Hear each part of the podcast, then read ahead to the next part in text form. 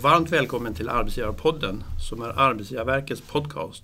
Med podden vill vi belysa olika perspektiv, inspirera och sprida kunskap om arbetsgivarfrågor. Arbetsgivarverket är arbetsgivarorganisationen för de statliga arbetsgivarna och mitt namn är Robert Kvarek. Med mig idag har jag Anders Wikström, entreprenör och seniorforskare inom innovation och design vid Research Institute of Sweden, oftast kallat RISE.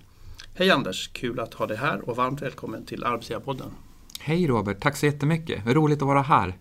I dagens podd ska vi prata om hur vi skapar förutsättningar för innovation och utveckling i statlig verksamhet och vilka krav det ställer på ledarskapet. Men vi börjar med några grundläggande frågor för att komma på banan.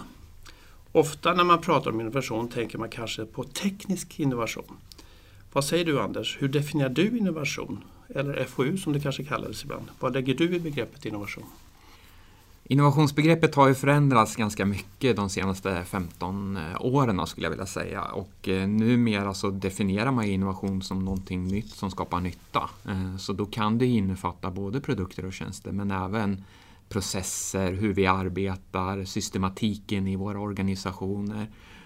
ända bort till, om vi pratar näringslivet, och hur vi faktiskt tjänar pengar, våra affärsmodeller. Så det finns väldigt många olika ett väldigt brett begrepp. Det är ett väldigt brett begrepp och det har, jag tycker att också att det har vunnit på att bli bredare än bara vara eh, det vi tidigare kallade produktutveckling eller forskning och utveckling, då, R&D. Mm. Vi arbetar ju, de flesta av oss faktiskt, med någon typ av innovation kontinuerligt i våra organisationer. Allt ifrån det, det lilla förändringen, det som vi kallar för inkrementell innovation, som både är kopplat till kvalitetsarbete men också till affärsutveckling och produkt eller tjänsteutveckling bort till det som är mer radikalt då, där, vi, eh, där vi skapar helt nya saker som påverkar väldigt många och skapar stor nytta och stort värde för, för väldigt många. Så det finns ju en, en, en bred bild av vad det är för någonting som man faktiskt kan göra inom mm. innovationsområdet också. Det här forskningsinstitutet du är knuten till RISE, är det ett innovationsinstitut eller är det ett bredare forskningsinstitut? Nej, det är ett bredare forskningsinstitut. Nu är vi väl eh, innovationspartner till svensk industri och svensk, svenskt samhälle. Eh, vi är ju 2800 medarbetare och finns över hela Sverige. Eh, så att vi är en ganska stor kropp och en ganska stor volym människor som kan göra mycket mycket olika forskningsprojekt och mm. Eh, direkta uppdrag mot företag och organisationer.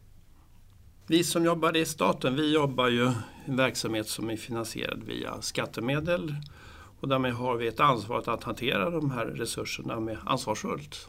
Vi har alltså ett krav på oss att vara, oftast vara effektiva. Samtidigt finns det förväntan på att vi ska vara innovativa och utveckla verksamheten. Går det ihop? Kan statlig verksamhet vara effektiv? Och innovativ. Frågan är väl egentligen om vi vill vara kortsiktigt effektiva eller om vi vill vara, vara långsiktigt hållbara. Eh, och tittar vi utifrån vad jag tror att skattebetalarna faktiskt vill så vill de att vi i Sverige och, och Sveriges myndigheter faktiskt ska vara långsiktigt hållbara och, och samhället i stort ska vara långsiktigt hållbart. Så där kanske vi behöver förflytta oss lite mera emot det långsiktigt hållbara istället för att bara titta på det, det kortsiktigt effektiva. Då med hänsyn till de samhällsutmaningarna som vi faktiskt har just nu och som vi bara kommer att eskalera så räcker det inte med att vara mer effektiv. Utan vi behöver faktiskt vara radikalt innovativa. Så vi behöver eh, skapa det här långsiktigt hållbara i, våra, i vårt samhälle så som det ser ut just nu i alla fall. Men ser du då en sorts motsatsförhållande mellan en organisation som är effektiv och produktiv eller som strävar efter att vara innovativ? Hur, hur bör man balansera. För att för ena sidan finns det löpande uppdrag som man ska genomföra och samtidigt behöver, som du säger, verksamheten förnyas och utvecklas beroende på samhällets utveckling. Det finns väl inte någon motsägning per definition i att vara effektiv kontra att vara innovativ. De kan ju faktiskt gå hand i hand. Det som är motsägelsefullt lite i alla fall är att eh, vi i våra organisationer har ett ledarskap som utgår ifrån eh, mätetal och, och eh, saker som vi gör för att bli mer effektiva. Mm. Och det är väldigt lite ledarskap som handlar om hur vi faktiskt är innovativa i våra organisationer. Så där finns det en motsägelse och det finns en ganska stor skillnad mellan att vara, vara ledare för, för effektivitet och produktivitet i våra organisationer eller att vara ledare för innovativitet och förnyelse. Så där finns motsägelsen skulle jag vilja säga, men inte per definition eh, i organisationen utan mer utifrån ett ledarskapsperspektiv. Men jag hör dig säga att, att eh, vi behöver möjligen främja innovation mer än vi har gjort hittills. Ja, det behöver vi definitivt göra och mm. framförallt tänker jag utifrån de samhällsutmaningar som vi står mm. inför och som vi är i just nu så behöver vi vara mer radikalt innovativa och eh, jobba på annorlunda sätt för att faktiskt få till innovation i våra organisationer. Då kommer vi in då på att arbeta med innovation, att driva innovation och skapa en lärande organisation är ju viktiga förutsättningar för en modern arbetsplats och då även den statliga sektorn. Vi vet att en innovativ och kreativ kultur skapar en bättre arbetsmiljö och nöjdare medarbetare. Men vilka är förutsättningarna för en att vara innovativ? Vad är det man ska, grundförutsättningar? Skapa en organisation som, som lär sig kontinuerligt nytt för att anpassa sig efter hur samhället faktiskt förändras och hur omgivningarna förändras. Så det är den ena delen och jag, jag tänker att innovation per definition är en lärprocess för vi vet egentligen inte riktigt vad det är för någonting som vi ska skapa när vi går in i en innovationsprocess förutom ett, ett tänkt värde. Då behöver vi också skapa förutsättningar för att vara en lärande organisation. Så de går faktiskt hand i hand och det har forskning också visat nu att det finns ett antal lärbeteenden som också stödjer eh, hur vi faktiskt är mer innovativa i vår organisation och hur vi skapar de här förutsättningarna för innovation i organisationen. Det begreppet ständiga förbättringar som har använts i sammanhang också, ligger det som en del innovation eller är det bara associerat till effektivitet? För min del så, så hamnar ständigt förbättringsarbetet inom innovationsområdet mm. i den inkrementella innovationen. Då. Om vi ska gå tillbaka till det här med lärande organisation och också vara effektiv och, och produktiv i våra organisationer. Så det, det jag tror vi behöver lära oss ganska mycket i vår organisation, det är att förstå vart balansgången går mellan att vara i leveransläge, att vara i återhämtningsläge och att vara i utforskande läge. Och de här tre lägena behöver vi hantera i våra organisationer utifrån ett ledarskapsperspektiv på ett mycket bättre sätt. För vi vet att vi inte kan kontinuerligt befinna oss i leveransläge, för då bränner vi ut människor. För då, då, då, då tär vi ner dem och, och låter dem inte faktiskt få, få reflektera, återhämta sig och skapa nya tankar och, och nya förhållningssätt till det de faktiskt ska göra som ligger till grund för att vi ska vara utforskande och testa nya saker. Så balansgången här emellan tror jag är väldigt viktig, att vi börjar, börjar förstå att vi inte kan bara, bara vara i leveransläge hela tiden, utan vi måste finnas i de andra lägena också. Det som är svårt naturligtvis för ledarskapet är att kunna prioritera rätt proportioner mellan de här beroende på hur omvärlden eller behoven ser ut. Självklart är det så att, eh, och jag är inte, inte naiv i, mitt, i min tänkande kopplat till innovativitet. Vi behöver vara produktiva och vi behöver vara i leveransläge mycket mer än vad vi kanske är i innovationsläge. Men svårigheten blir ju att om vi inte har några typer av mätetal eller uppföljningar kopplat till vår innovativitet i våra organisationer utan bara tittar på effektiviteten då haltar liksom balansen mellan, mellan att vara i leveransläge och att vara i utforskande och återhämtningsläge. Så där behöver vi sätta upp andra typer av mätetal för att faktiskt kunna leverera någonting nytt och, och leverera det här, den här långsiktigt hållbara organisationen som vi faktiskt vill, vill ha. Och framförallt när det handlar om våra myndigheter och våra, våra statliga organisationer. De behöver ju definitivt vara långsiktigt hållbara. Då kommer vi över lite då på ledarskapsresonemang. Mm. Kan säga så här, dagens komplexa beslutsstrukturer och vi har det allmänna begreppet digitalisering som ju är aktuellt i Sverige och överallt. Och dessutom den här högre förändringstakten gör att konventionella ledarskapsstrategier inte är lika effektiva som förr. Så vilka är de nya ledarskapsstrategierna som ska hantera de här nya förutsättningarna? Det handlar ju väldigt mycket om att skapa förutsättningar för våra medarbetare i våra organisationer. Här faller jag tillbaka på både teorier som är kopplat till hur lärande fungerar i organisationer men också på det som vi kallar för innovationsklimat. Då. Eh, och eh, innovationsklimatet är ju definierat utifrån en, en svensk forskare.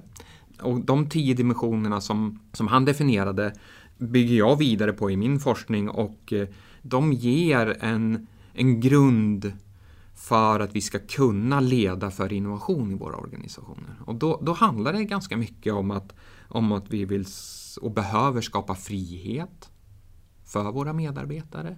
Vi behöver bygga en tillitsfull organisation och tillit till att medarbetarna faktiskt gör dem, det de förväntas göra och att man inte behöver gå in och kontrollera och detaljstyra dem att ledarskapet kommer in i förhållande till att skapa friheten till medarbetarna, att bygga tilliten, eh, att ge eh, att ge det stöd för idéer och, och, tankar som faktiskt behövs, att stanna upp och lyssna på sina medarbetare och, och verkligen aktivt lyssna, inte bara inte bara säga att man lyssnar utan faktiskt gå in i modet att nu lyssnar jag på vad du säger och jag kan bygga vidare på de tankar och idéerna som du faktiskt har. Eh, risktagande naturligtvis. Eh, och det är ju någonting som, som jag tror drabbar, om man nu sätter drabbar inom situationstecken, den typen av organisationer som bygger sin verksamhet på skattebetalarnas medel och pengar så är man väldigt eh, riskobenägen för att risker innefattar att man kan bli bli uthängd i media och att man slösar med, med, med skattemedel och att man att bli uppmålad som en, som en dålig människa helt enkelt. Och då är det bättre att kanske inte göra någonting som är nytt utan bara göra allting som, som är enligt regelboken. Och då hamnar vi fast i, i liksom effektivitet, eh, leverans, läge och inte kan vara speciellt innovativa. Som ledare i, i en organisation vilken som så, så handlar det om att skapa utrymme för sina medarbetare och skydda medarbetarna mot det som kan hända runt omkring dem. Så att de faktiskt kan göra de sakerna som de är anställda till att göra och också förnya sig där de faktiskt behöver förnya sig. Eh, så att, eh, att ledarskapet handlar väldigt mycket om att skydda medarbetarna också. Kan, kan, en, kan en tråd för ledarskapet vara just att, att man tillsammans identifierar behoven av var behoven finns för innovation för då blir det tydligare mandat. Utifrån ledarskapet så behöver vi ju ha fram en strategi för hur vi ska arbeta med innovation för att, för att skapa det värde som är tänkt att vi ska skapa långsiktigt hållbart. Vi behöver bygga upp en taktik, ett antal arbetsmodeller, processer för hur vi faktiskt ska göra det här. Och sen behöver vi se, se till så att våra människor i våra organisationer faktiskt har Eh, har förmågorna och har kompetensen att faktiskt utföra eh, arbetsuppgifterna men också förhålla sig till den strategin som vi bygger upp. Då. Mm. Så vi behöver liksom gå grundligt tillväga för att bygga vårt strategiska, vår strategiska inriktning för innovationsarbete i våra organisationer. Vad ska man inte göra? Man ska inte kontrollera för mycket tycker jag utan, utan liksom släppa på kontrollen lite. Och här finns det ju eh, här finns det en ganska stor motsättning då för att kontrollerar jag inte så vet jag inte att det som jag har bett om faktiskt blir utfört. Så det här handlar om att bygga tillit. Man ska försöka vara mindre reaktiv och, min och mer proaktiv i våra organisationer. Och hur är man det? Ja, då behöver man ju liksom ha örat mot rälsen brukar man prata om. Och, och det tycker jag att vi behöver göra mer i våra organisationer. Så låt ledarna vara ledare och skydda medarbetarna mot det som stör deras tankearbete och det de ska utföra eh, på, på, bättre, på bättre sätt. Hur skapar man ett innovativt klimat så att de som anställda verkligen vill förnya och, innovera och samarbeta om det här? Man kanske vill fortsätta vara expert och göra som vanligt. Det där är en svår fråga, men det handlar ju också om ledarskapet. Det har precis kommit ut en, en ny standard för innovationsledning och då är det någon som tänker Hallå, kan man standardisera innovationsarbete? Eh, det är precis det som vi faktiskt måste göra för att om vi ska vara kontinuerligt innovativa i våra organisationer, då behöver vi ha en systematik runt det. Så den här standarden, den, den lyfter fram en systematik för Vem innovationsarbete. Vem har fastställt den standarden? Eh, den är fastställd inom ISO, så att det är en internationell standard och det är ett 60-tal länder som har varit med och arbetat med det här i tio års tid.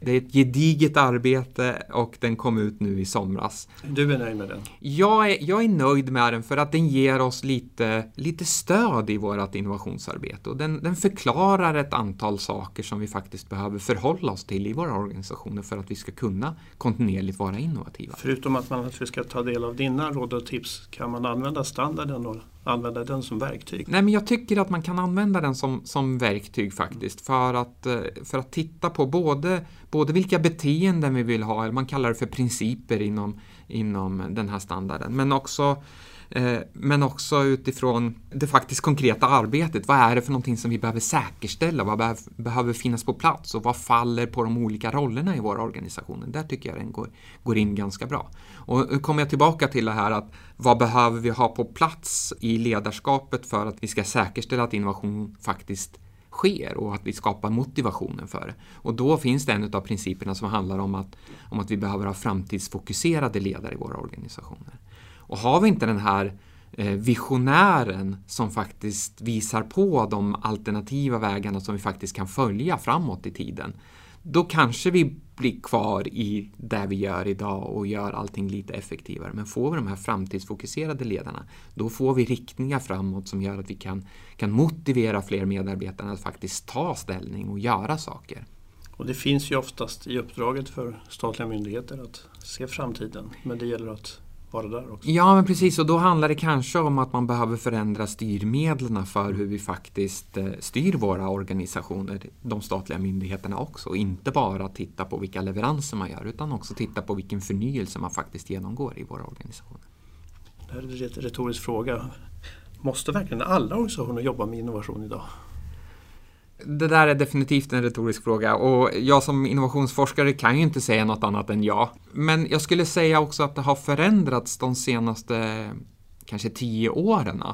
Eh, och det beror på att vi blir mer och mer konkurrensutsatta i alla typer av organisationer idag. Vi har digitaliseringen som en jag ska inte säga våt filt, men, men i alla fall den, den ligger där och vi kan inte hantera den riktigt bra i våra organisationer idag. Det finns ett fåtal som hanterar digitaliseringen bra. Eh, men för att bygga upp en beredskap för hur vi faktiskt ska ta oss an digitaliseringen så behövs en innovationsförmåga. Innovationsförmåga är ju en, en förmåga att faktiskt anta utmaningar och, eh, eh och genomgå förändring. Och så därför tycker jag att vi behöver i alla organisationer faktiskt vara innovativa. Mer eller mindre då. Poängen med digitaliseringen den ska, ska syfta till att lösa behov med ett innovativt perspektiv. Och digitalisering är ju ett medel som faktiskt eh, kan lösa de behoven som vi identifierar med innovationsarbete. Då. Mm. Som inte heller egentligen är nytt. Digitalisering har vi hållit på med länge också. Det har vi också hållit på med länge, mm, definitivt. Och nu anledningen kanske till att det kommer är så hett just nu är väl just de här samhällsutmaningarna som vi står inför. Vi, vi ser att vi behöver effektivisera ganska mycket. Eh, och då ser man digitaliseringen som ett medel att göra det. Men det är ju inte likhetstecken mellan, eh, mellan effektivitet och digitalisering. Utan vi måste ha ett mellansteg här mellan, mellan de behoven som vi har och de lösningarna som vi ser. Och det mellansteget är ju eh, innovativitet i våra organisationer. Vi ska nu gå över till att bli lite mer konkreta och här hoppas jag att vi kan få lite mer tips och råd på hur vi faktiskt kan jobba med innovationsarbete. Och en viktig del i innovationsarbetet är ju som du brukar beskriva tid för reflektion. Hur tänker du kring det? Varför är det viktigt och hur gör man? Om vi börjar i, i änden där, hur gör man? För det finns ganska många olika typer av reflektionsmodeller som man kan använda sig av. Jag brukar med fördel referera till en reflektionsmodell utav Gibbs eh, som går ut på att man, att man reflekterar utifrån egentligen tre enkla grundsteg. Vad hände? Vad kände? Och vad lärde? Vad hände? Vad kände? Vad lärde? Ja, det behöver inte vara svårare, men att få systematik i det handlar ju om att vi gör det upprepade gånger också och vi inte bara tänker de här sakerna utan vi också kanske skriver ner dem i, i en, någon typ av bok eller modell som vi använder oss av. Det kan vara, det kan vara digitalt också naturligtvis. Jag reflekterar var, efter varje arbetsdag, fem minuter innan jag, innan jag stänger ner datorn så skriver jag ner vad hände, vad kände, vad lärde utifrån något av de perspektiv som har hänt under dagen. Och genom att göra det här systematiskt då hittar vi också de här små sakerna i min individuella vardag där jag kan göra saker och ting lite annorlunda. För vi skapar ju ett kontinuerligt lärande i, i, på individnivå om vi gör, gör det på det här sättet. Följer vi dessutom upp det här på, på våra teammöten och, och reflekterar där. Vad, vad är de stora lärdomarna jag har gjort som individ den senaste veckan och delar dem. Då skapar vi ju en lärandegrupp. och lyfter vi det ytterligare nivåer så skapar vi ju en reflekterande och lärande organisation som på så sätt skapar nya förutsättningar för att faktiskt anta de utmaningarna som man ställs inför i framtiden. Men det här med tid för reflektion, det, bör man, det är inte bara upp till mig att planera utan det bör också vara förankrat i, i, i tidsplanering i organisationen. Ja, och här ska vi inte blanda ihop tiden för reflektion med det som vi ibland kallar för idétid också, för det är, det är två olika saker. Tiden för reflektion den är viktig utifrån att skapa en lärande organisation. Idétiden är viktig för att skapa riktning på de lärdomarna som vi faktiskt gör i reflektionsarbetet. Så i idétiden då riktar man in sig på vissa problem? Precis. Precis. Och, sakområden? Ja, och, det är, och nu blir jag ivrig här, för det är ja. det som är så viktigt också, att vi inte bara sätter att men, ni har idétid, ni får göra vad ni vill. För det har vi sett i, i jag har sett i mängder av organisationer som jag är ute och följer, att det, det funkar inte att bara säga ni får göra vad ni vill. I alla fall inte i de svenska organisationerna. Det kanske funkar på Google och 3M. Men inte i de svenska organisationerna. Vad, vad ska man göra på idétiden då? Vi behöver ge riktning på. Ge medarbetarna en utmaning som de kan använda sin idétid till, för då blir det riktning på den. Och när vi, när vi då kopplar ihop då idétid med utmaning så behöver vi också en tredje sak för att vi ska få utväxling på den potentialen och det handlar om frihet. Bestämmer vi oss för att vi ska ha idétid i våra organisationer, då behöver vi rikta den med hjälp av utmaning på individnivå och den, den utmaningen kan, kan göras både utav medarbetarna själva men också utifrån ett centralt perspektiv eller på gruppperspektiv.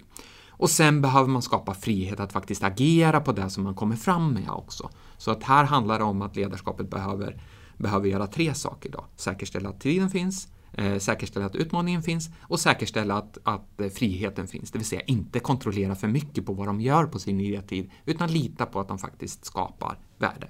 Men en viss begränsning brukar du beskriva ändå i idéer. Att det ska inte vara fria idéer utan vi ska fokusera på behoven. Ja, ja men precis. Det ska fokusera på behoven och det ska fokusera på det övergripande syftet med den organisationen man faktiskt arbetar i. Uppdraget, ja. ja. precis. Så det är jätte, Så att det blir relevant. Ja, det är superviktigt. Mm. superviktigt.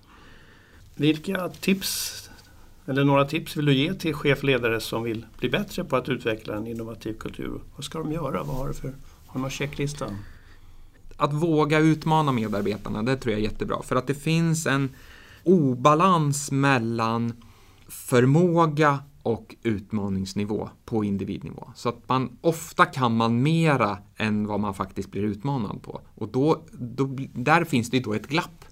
En potential som vi inte utnyttjar på varje medarbetare som faktiskt kan göra mer. Och det handlar inte om att utmana med med, med bulken liksom utav arbetsuppgifter utan det handlar om kunskapsmässig eh, utmaning. Eh, vi har varit inne på det här med behov. Kasta bort allt, nu kanske jag svär kyrkan här, men kasta bort allt vad, vad idéarbete eller idéer handlar om. Fråga inte medarbetarna för mycket om idéer.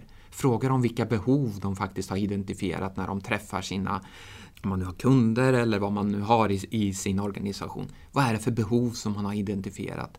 Eh, samla på behov, klustra behov och utifrån de behoven skapa insikter för att gå in i ett idéarbete. Och då kan man börja prata om, prata om idéer. Men inte bara be medarbetarna om idéer utan be dem om behoven. Reflektion har vi varit inne på. Det tycker jag också är starkt lysande stjärna på min mm. himmel. Eh, är reflektion. Eh, lekfullhet. Att vi börjar använda metoder och verktyg där vi faktiskt får utrymme eh, för de, de lekfulla delarna i våran hjärna och, och, när vi släpper loss lekfullheten då blir vi också per automatik faktiskt mer innovativa. Kan man se en balans i det du säger för, för tid för reflektion? Det är liksom min egen tid.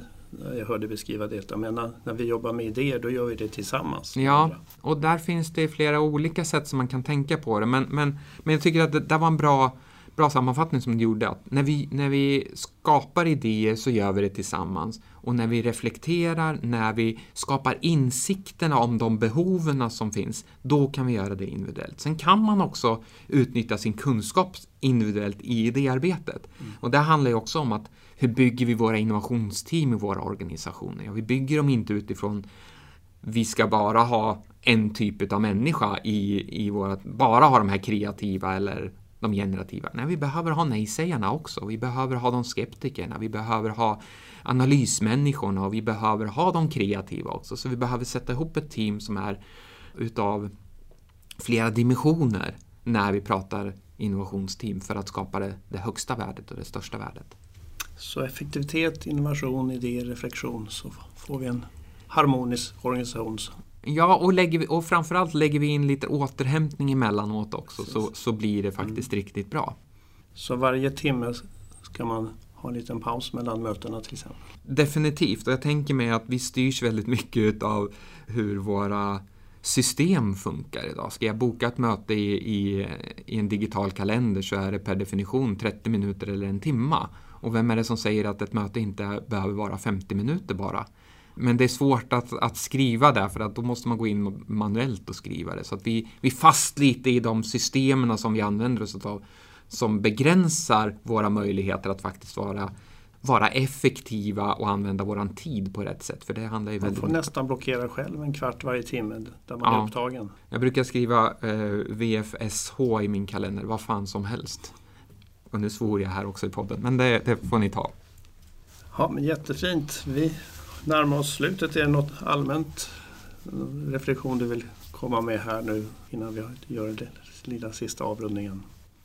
Nej, men jag tror att, att det handlar ganska mycket om att vi vågar, upp, vågar sätta målen för de här mer radikala innovativa eh, idéerna och kanske också sätta av resurser för dem så att vi faktiskt tvingar oss in i, in i arbetet att vara radikalt innovativa och använder metoder och verktyg för att faktiskt tänka utanför den beryktade boxen. Liksom. Och mm. Hur hamnar vi utanför vårt comfort zone?